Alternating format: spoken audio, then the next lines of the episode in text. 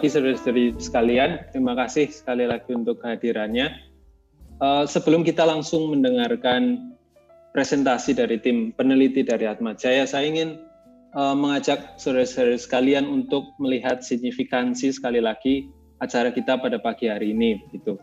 Pertama-tama, acara kita pada pagi hari ini punya signifikansi yang tidak kecil dalam pandangan saya karena isunya berkaitan dengan hak asasi manusia begitu.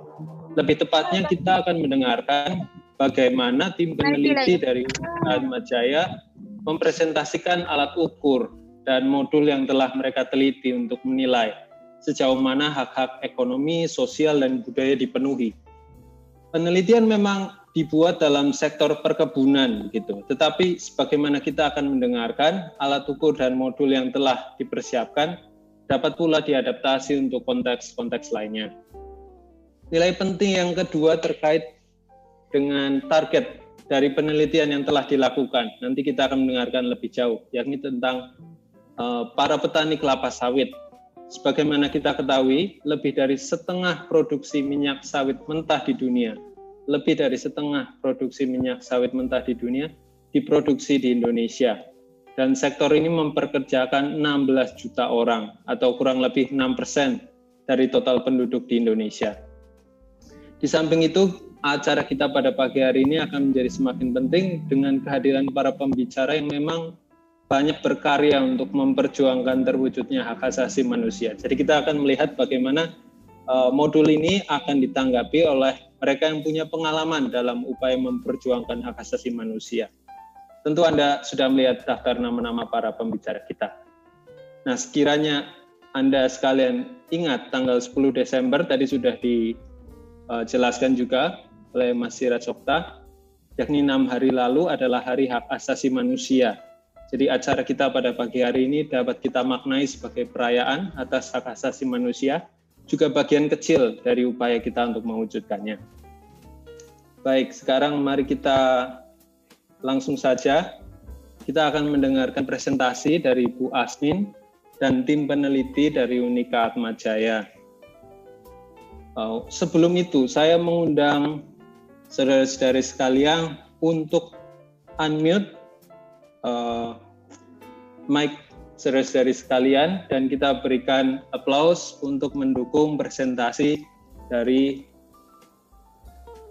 dari para tim peneliti kita begitu. Apakah sudah bisa?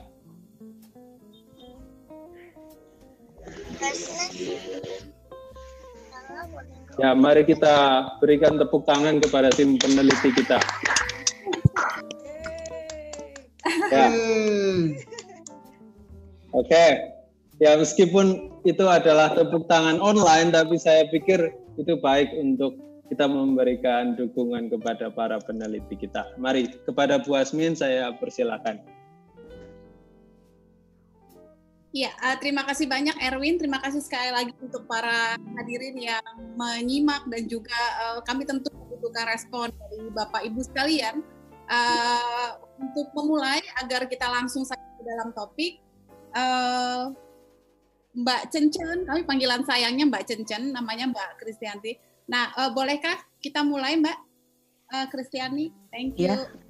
Ya, selamat pagi semuanya. Uh, terima kasih atas kedatangannya hari ini. Uh, saya izinkan saya untuk uh, melakukan share screen.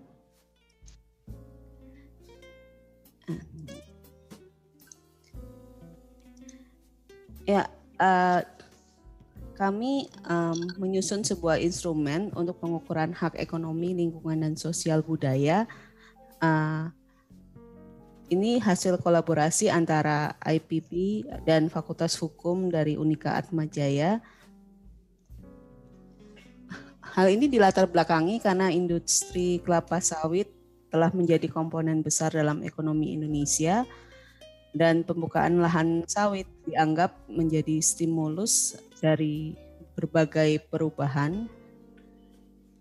Eh, nah, upaya dari perusahaan sawit untuk menjawab kebutuhan masyarakat lokal juga tentunya menghadapi berbagai tantangan. Dengan demikian, uh, dibuatlah alat ukur yang baku untuk mengidentifikasi faktor yang terkait. Hal ini dilakukan dari kerjasama antara uh, ICCO dengan Atma Jaya, Institute of Public Policy, dan Fakultas Hukum Unika Atma Jaya. Uh, dari hasil studi literatur kami uh, dari berbagai literatur baik itu dokumen hukum maupun uh, dokumen uh, yang terkait dengan lingkungan uh, WHO kemudian ILO dan lain sebagainya itu juga diskusi dengan pemerhati lingkungan hidup atau aktivis lingkungan hidup dan juga tidak lupa dengan akademisi yang memang memiliki uh, interest dan fokus penelitian di uh, perkebunan sawit ini kami uh, menemukan bahwa ya ada tiga hak utama yaitu tadi hak lingkungan, hak ekonomi dan hak sosial budaya. Uh, untuk hak lingkungan uh, dari hasil diskusi kami menyimpulkan uh, tiga poin ini yang tentunya nanti diturunkan ke ke beberapa item yaitu lingkungan yang aman, bersih, sehat, dan berkelanjutan diperlukan untuk pemenuhan hak asasi manusia. Itu termasuk hak untuk hidup eh, dengan standar kesehatan fisik dan mental tertinggi yang dapat dicapai dan standar hidup yang layak. Kemudian perlindungan dari gangguan lingkungan yang berbahaya eh, termasuk uh, operasionalis uh, operasional perusahaan, proses bisnis, dan penyebab alam. Kemudian memastikan konservasi dan pemanfaatan berkelanjutan dari ekosistem dan keanekaragaman hayati. Eh, kemudian untuk hak ekonomi itu adalah hak eh, atas standar hidup yang memadai dikombinasikan dengan konsep kebutuhan pokok dari eh, masyarakat kemudian memiliki prioritas atas tujuan mempromosikan kesejahteraan umum. Dalam hal ini adalah fasilitas yang tidak hanya berlaku untuk uh, pekerja tapi juga masyarakat yang ada di sekitar perkebunan sawit. Kemudian menikmati kondisi kerja yang adil bagi pekerja dan keluarganya, entah itu uh, pekerja eh, laki-laki uh, atau pekerja perempuan, juga bagaimana hubungannya dengan uh, keluarganya, anak Kemudian memastikan keamanan kerja. Hal ini berhubungan dengan lingkungan yang aman, bersih, sehat, dan berkelanjutan. Kemudian memastikan perlindungan yang setara dan efektif terhadap diskriminasi yang berhubungan dengan jenis kelamin. Kemudian uh,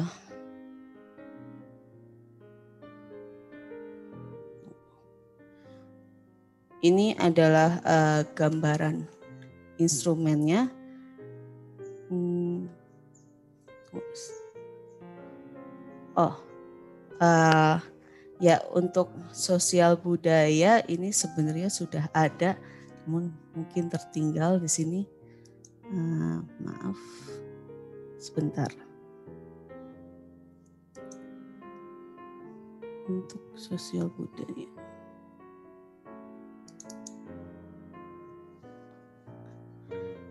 Oke, uh, saya share dari slide yang lain. Uh, oh ini untuk hak sosial budaya. Uh,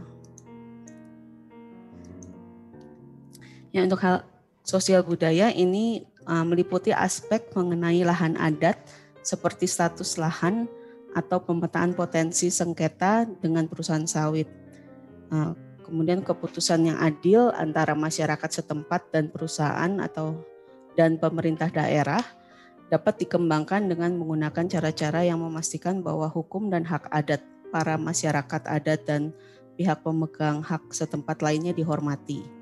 Kemudian akses terhadap pendidikan, penyediaan fasilitas kesehatan dan atau bantuan kesehatan oleh perusahaan sawit Kemudian jaminan hak untuk pekerja sawit seperti hak untuk berserikat dan upah serta eh, kompensasi yang layak.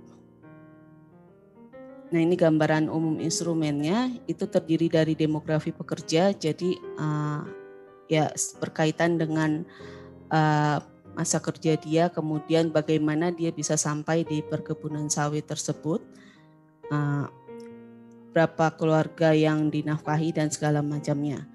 Kemudian uh, data demografi perusahaan, ya uh, misalnya pekerjanya ada berapa, uh, beroperasi sejak tahun berapa, dan berbagai hal lainnya. Kemudian hak lingkungan uh, ini ada dua karena waktu itu kami berpikir bahwa uh, ada di beberapa daerah yang kemungkinan sambungan uh, internet atau uh, lebih enaknya kalau misalnya kita bertanya itu uh, melalui face to face gitu. Jadi bertanya langsung sehingga ini kuesionernya ada penanyanya ini berupa kalimat tanya sedangkan kalau yang uh, kedua ini jika respondennya mengisi sendiri. Nah, ini ada beberapa pertanyaan dari setiap hak. Kurang lebih sekitar ada 15 eh, sampai 20 pertanyaan. Eh, sekian dari untuk gambaran umum instrumennya eh, dari saya. Mungkin bisa Terima kasih Mbak Chen Chen. Kita bisa lanjut ke uh, Mas Indro. Uh, Mas Indro adalah yang membuat modul tentang bagaimana menggunakan alat ukur ini. Uh, memang selayaknya alat ukur ini kita uji cobakan uh, dan diharapkan ini juga bisa digunakan oleh kawan-kawan. Tapi seperti tadi yang sudah disebutkan oleh uh, Mbak Kiswara bahwa semua nanti akan tersedia di dalam uh, website yang kami juga bangun bersama dengan uh, ICCO di dalam uh, website uh, eh, IPP Unika Atmajaya. Nah, cara meman, uh, panduannya itu juga akan tersedia Bapak Ibu. Jadi sila itu diakses secara open, silakan mengaksesnya dan jika ada pertanyaan nanti secara teknis dan detail bisa disampaikan kepada kami tim peneliti. Kita lanjutkan dulu ke Mas Indro.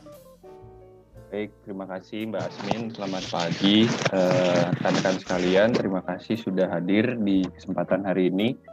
Tadi juga sudah dijelaskan oleh Mbak Kristiani atau Mbak Chen ya panggilan sayang kami kepada beliau gitu ya. Jadi uh, kalau bagian saya itu giliran saya akan merepresentasikan soal modul.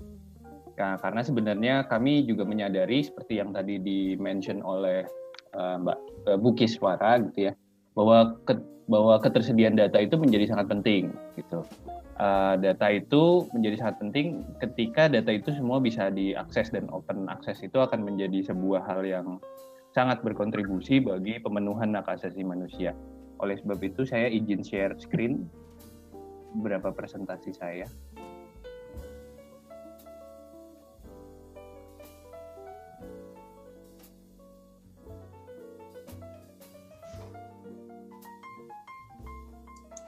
Kok nggak bisa? Oke. Okay. Apakah sudah nampak? Ya, sudah. Oke. Okay.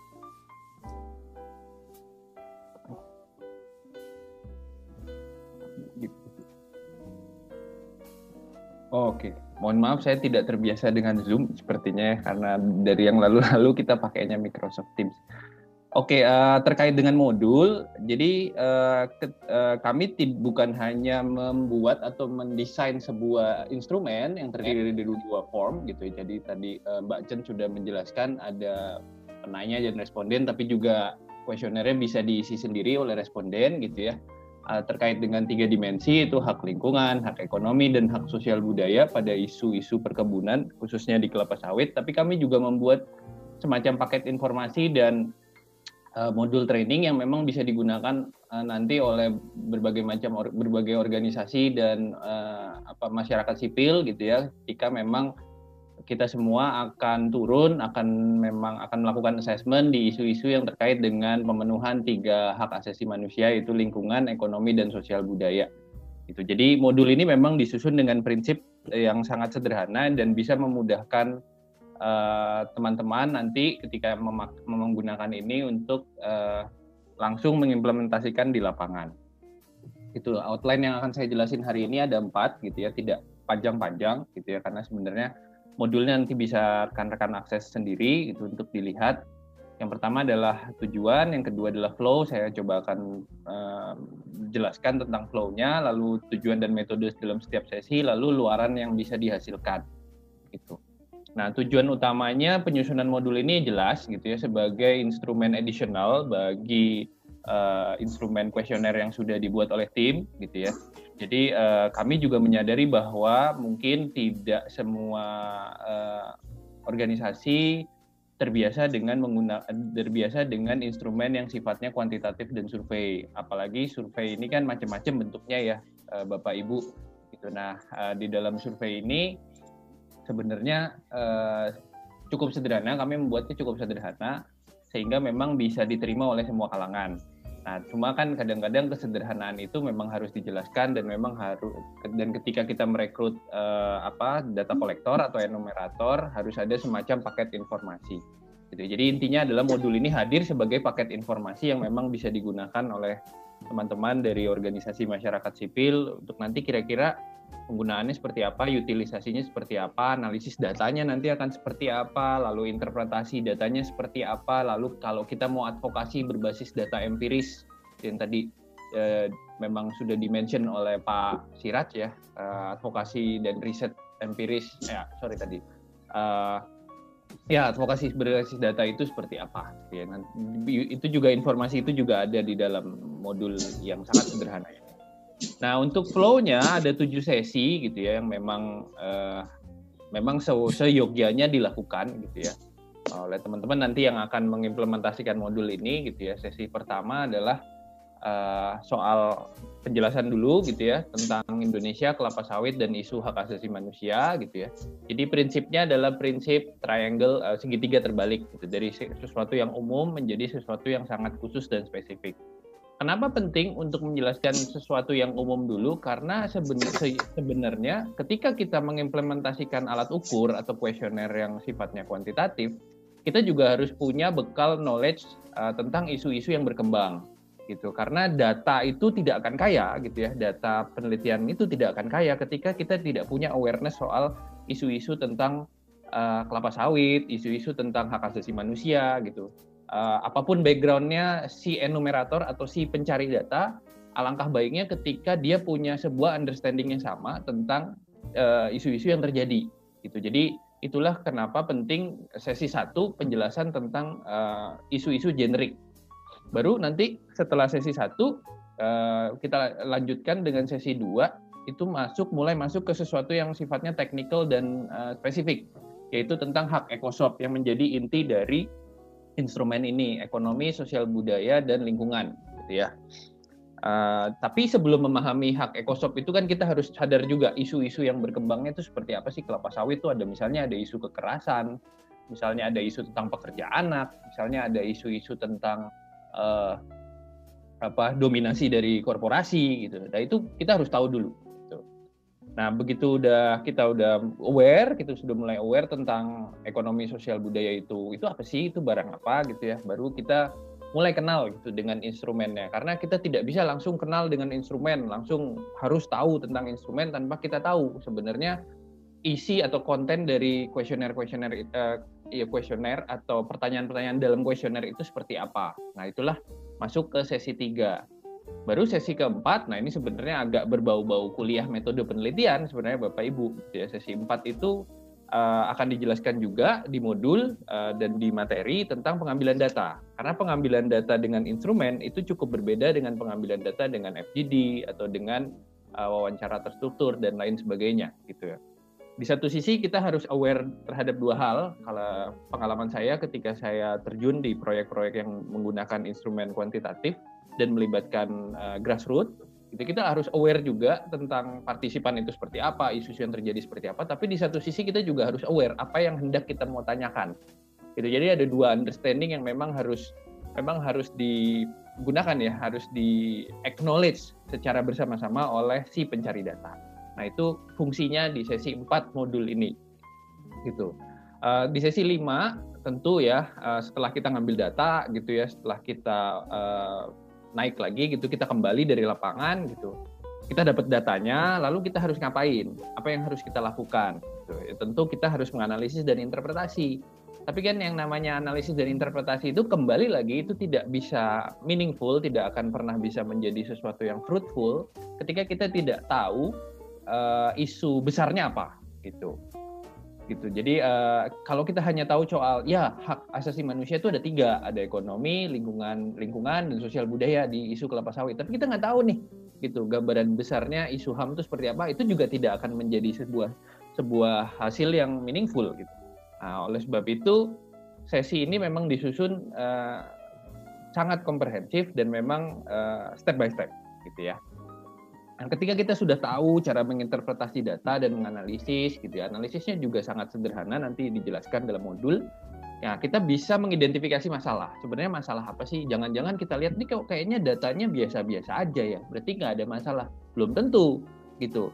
Siapa tahu ada masalah di dalam situ. Tapi mungkin kita belum aware aja karena kita tidak tahu isu kelapa sawit dan isu hak asasi manusia itu seperti apa. Nah, itulah kembali lagi sebenarnya ke sesi satu dan dua ya yang menjadi sebuah yang hal yang fundamental gitu. Ketika kita tidak tahu itu trennya seperti apa, lah itu kita lalu kita tidak akan pernah bisa mengidentifikasi masalah dari data yang kita peroleh gitu. Nah, sesi terakhir setelah kita menganalisis dan menginterpretasi kita bisa lihat ada sebuah masalah. Ini kayaknya sesuatu yang menarik nih untuk ditonjolkan. Nah, di sesi 7 kita juga uh, akan ada penjelasan tentang advokasi berbasis data gitu. Sesuatu yang memang seperti tadi dikatakan oleh Pak Siraj gitu ya sesuatu yang memang harus didorong terus menerus gitu. Karena sebenarnya saya saya sebagai peneliti saya percaya bahwa yang namanya menyajikan data penelitian itu bukan sebu, bukan sesuatu yang sifatnya kognitif gitu ya. Ya kita udah pinter gitu tapi sifatnya adalah eksperimental gitu. Seberapa sering kita melihat data seberapa sering kita menginterpretasi data semakin tajam pula hasil penelitian yang kita bisa paparkan ke stakeholder. Itu yang selalu uh, saya percaya, makanya saya menempatkan advokasi berbasis data di sesi 7 karena ini sesuatu yang penting juga karena advokasi berbasis data itu kan mungkin agak berbeda ya dengan advokasi yang berbasis yang metode yang lain. Itu. Nah, ini penjelasan per sesinya Bapak Ibu, mungkin ini saya cepat aja gitu. Ini nanti ketika modulnya sudah di-launch secara uh, resmi gitu Bapak Ibu bisa melihat sendiri gitu ya setiap sesi kami menempatkan tujuan, ada tempatnya juga gitu. Tempat tentu boleh diubah ya, Bapak Ibu, boleh di aula hotel, boleh di ruang rapat atau boleh di ya asal jangan di perkebunan kelapa sawit saja gitu ya karena itu akan menjadi polemik juga gitu. Pokoknya uh, kita membuat ini sedetail mungkin. Jadi kira-kira nanti Bapak Ibu bisa ngebayang, oh nanti ini sesinya seperti ini ya. Kira-kira akan seperti apa? Metodenya akan tanya jawab dan diskusi kelompok ya. Oke, saya harus melengkapi apa ya di setiap sesi kira-kira estimasi waktunya berapa ya? Saya punya waktu berapa ya untuk supaya enumerator saya bisa paham cara menggunakan alat ukur. Itu semuanya sudah kita masukkan dan kami desain sesederhana mungkin. Untuk sesi satu terkait dengan uh, generic understanding-nya, lalu sesi dua seperti biasa ya sama, formatnya sama, ada tujuan, ada tempat, ada waktu, perlengkapannya, ada metode. Sebenarnya ada prosedur tapi sengaja tidak saya masukkan di presentasi ini karena mungkin nanti jadinya terlalu panjang nanti mungkin Bapak Ibu bisa uh, lihat sendiri, bisa pelajari sendiri di modul yang sudah final gitu ya. Jadi uh, so far secara secara umum gitu modul ini uh, isinya didominasi oleh diskusi dan praktek gitu ya diskusi. Jadi kan kalau kita belajar soal alat ukur itu kita nggak bisa cuma pelajari secara teori gitu. Jadi nanti ada beberapa sesi yang yang mengharuskan uh, fasilitator dan dan peserta pelatihan untuk role play gitu. Jadi kuesioner uh, diberikan, kita udah analisis gitu, habis itu di role play karena itu wajib gitu supaya kita dapat eksperimen eh kita dapat experience secara langsung. Secara langsung. Gitu. Seperti yang tadi saya bilang uh, yang namanya mengumpulkan data di lapangan itu membutuhkan eksperimen yang langsung, bukan hanya understanding, oh ya saya udah ngerti gitu. Nah, ini sesi 3 uh, eh, mulai masuk ke tentang instrumen gitu ya. Lalu sesi 4 mulai mengenali gitu, mengambil datanya seperti apa. Nanti sesi 4 nanti ada role play gitu ya, ada metodenya, ada diskusi dan role play. Jadi role play antar partisipan, bisa role play antar partisipan, bisa role play dengan langsung dengan komunitas yang ada dan lain sebagainya.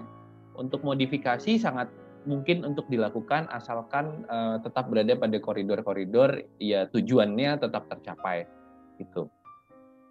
Sesi 4 lalu sesi 5 um, setelah role play gitu ya setelah role play tentang instrumennya uh, data diperoleh uh, ada juga nanti kami siapkan di dalam satu set modul ini contoh datanya gitu ya data dalam bentuk Excel. Lalu kira-kira kita menganalisisnya seperti apa? Software statistik apa yang kita pakai? Kita pakai Excel atau pakai yang lain? Itu nanti ada semua di dalam sini. Gitu. Jadi Bapak Ibu nanti bisa langsung lihat uh, setelah sesi 5 kita belajar menganalisis, kita belajar menginterpretasi, baru menggali insight gitu ya. Jadi diskusi, menggali insight, brainstorming itu adalah proses yang memang fundamental di dalam penelitian kuantitatif ya. Dalam semua penelitian ya, saya rasa kualitatif atau kuantitatif. Begitu juga di instrumen survei, walaupun sebenarnya kadang-kadang kita melihat instrumen survei ini hanya memotret ya, gitu, hanya potret, deskripsi, tapi sebenarnya kita bisa susun gitu. Misalnya ada insight apa sih di setiap item atau di setiap butir pertanyaan yang memang bisa dikombin. Oh ternyata tuh kombinasi dari butir pertanyaan nomor 3 dan 5 dan 7 itu membuktikan bahwa ada loh misalnya ya, pekerja anak di sini gitu.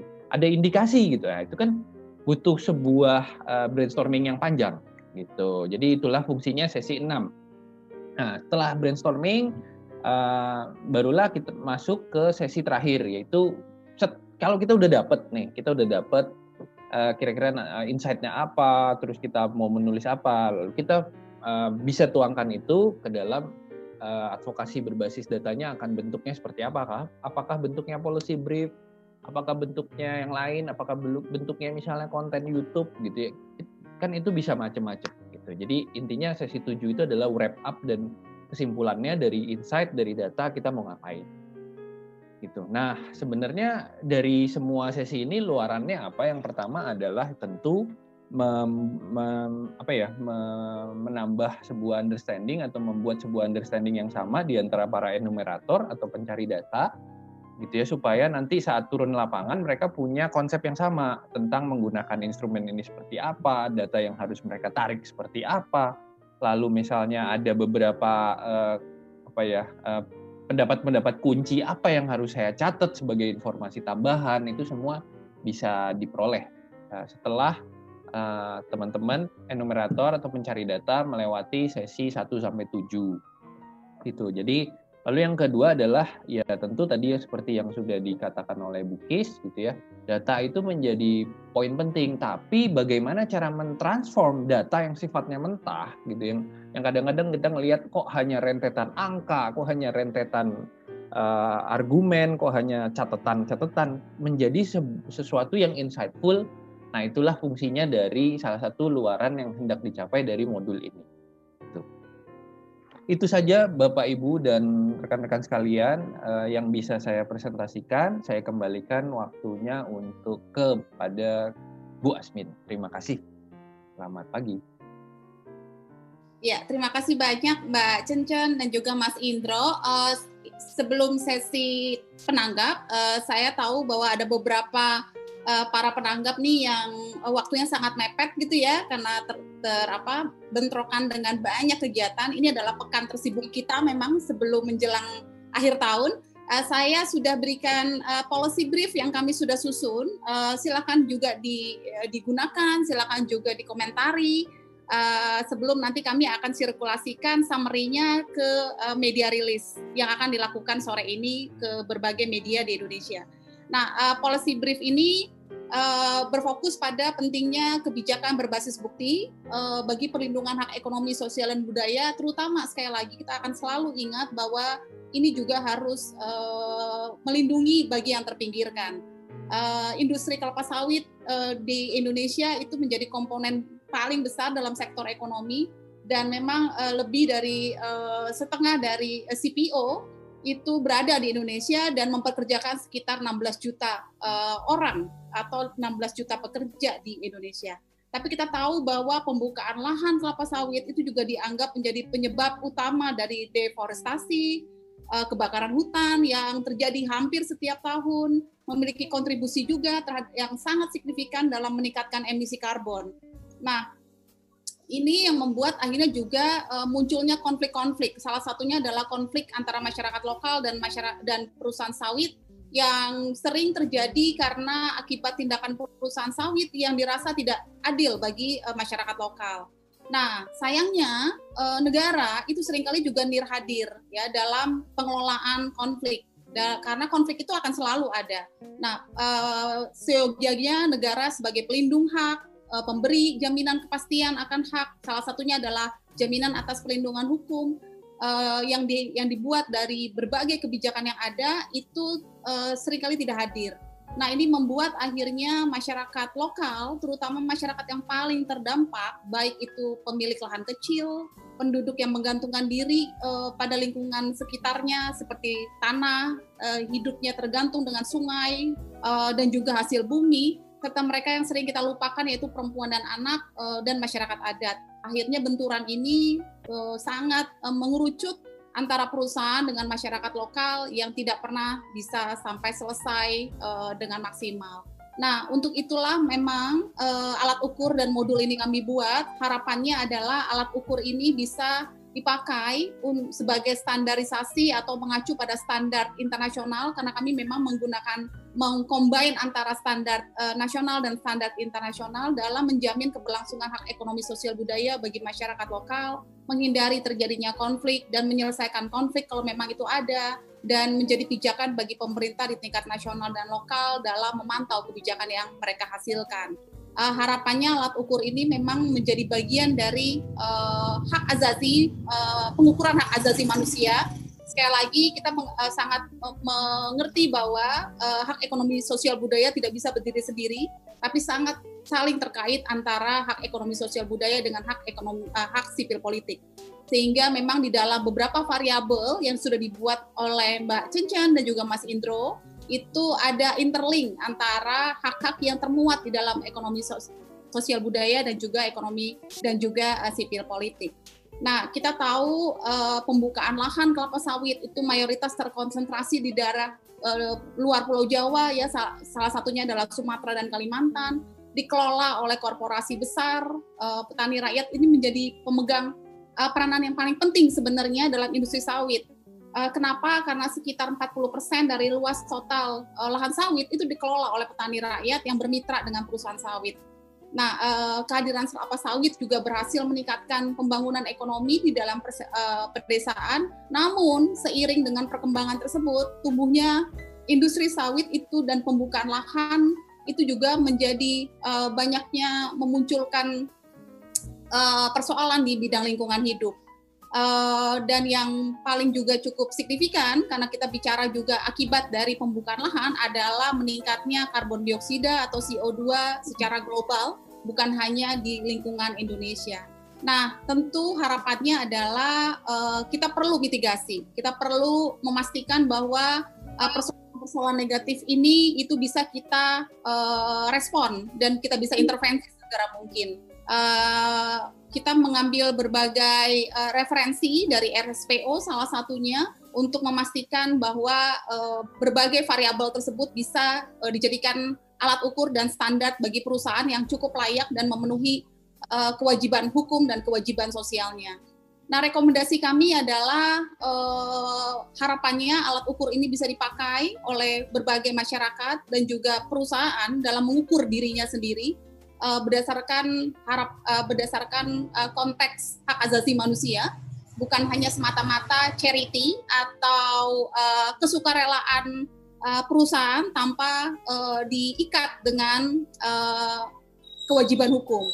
Nah, uh, mengacu pada hak dasar das yang diuraikan dalam alat ukur ini, kami juga merumuskan modul yang disusun berbagai indikator yang sudah tadi dijelaskan oleh Mbak Cencen dan juga Mas Indro agar uh, dapat diraih data ya uh, yang bisa dijadikan rujukan untuk mengevaluasi secara proporsional perusahaan sawit atau pemerintah daerah terkait. Uh, tadi sudah diuraikan hak apa saja, hak ekonomi, hak lingkungan, dan hak terakhir adalah sosial budaya. Nah, dalam daftar pertanyaan tersebut, ini jadi parameter untuk menguji secara ketat uh, yang bisa dilakukan oleh siapa pun, kelompok akademisi, perwakilan, LSM, advokasi, uh, human rights defenders dalam isu-isu lingkungan hidup uh, dapat mengakses alat ukur ini sehingga uh, bisa digunakan dan harapannya memang penyusunan alat ukur ini menjadi dasar pemenuhan ekonomi sosial budaya bagi masyarakat lokal dan perusahaan sawit. Uh, pemerintah yang bisa diwakili oleh Komisi Negara misalnya di sini telah hadir Komnas HAM, Komnas Perempuan, terutama juga KPAI ya uh, karena banyak sekali unsur-unsur kami menemukan bahwa banyaknya pekerja anak dalam sektor uh, sawit dan bahkan secara tidak langsung berimplikasi kepada berbagai uh, perlindungan uh, hak anak. Uh, ombudsman yang berurusan dengan bagaimana uh, kebijakan publik itu harusnya ada serta komisi lainnya. Nah, terakhir uh, dengan indikator yang baku ini, maka indikatornya juga bisa direplikasi Bapak Ibu. Uh, ini tidak hanya untuk perusahaan sawit karena sangat uh, cukup umum sehingga bisa dikembangkan ke sektor perkebunan yang lain, baik itu lada, ya, spices ataupun industri-industri yang lain.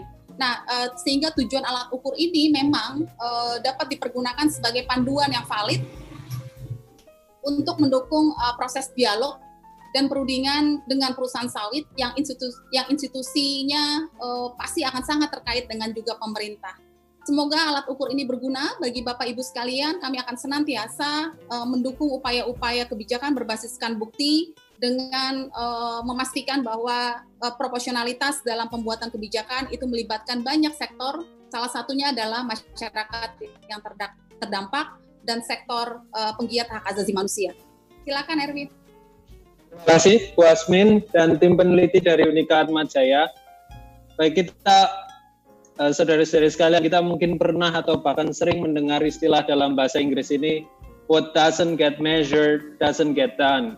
Maka semoga dengan adanya alat ukur ini seperti tadi sudah banyak dibicarakan upaya memperjuangkan hak asasi manusia berbasis data menjadi makin dimungkinkan oleh semua pihak.